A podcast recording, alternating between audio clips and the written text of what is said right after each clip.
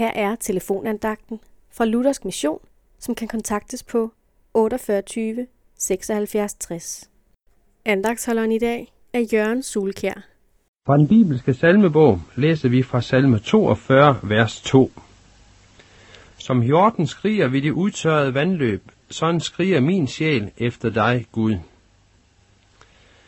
Vi læser her om et naturbillede, hvor hjorten står og råber efter vand, men den finder ikke noget vand, fordi at vandløbet er udtørret. En forfærdelig situation for hjorten, når den nu er så tørstig. Men sådan kan det også godt nogle gange være at være menneske. Måske har du prøvet i dit liv at råbe efter Gud i bøn, men du oplevede, at han ikke hørte dig.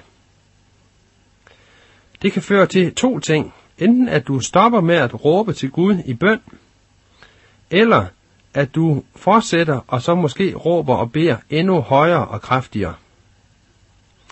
Gud han er ikke død. Det er ikke derfor, du ikke, at du oplever, at han ikke hører dig.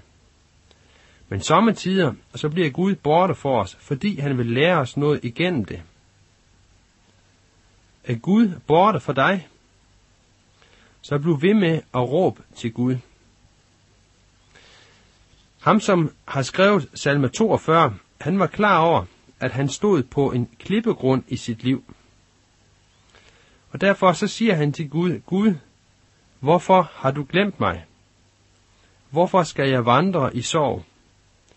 Det oplever han, og så siger han samtidig, Vent på Gud, for jeg skal takke ham på ny, min frelser og min Gud. Det vil du også få lov til at opleve. Amen.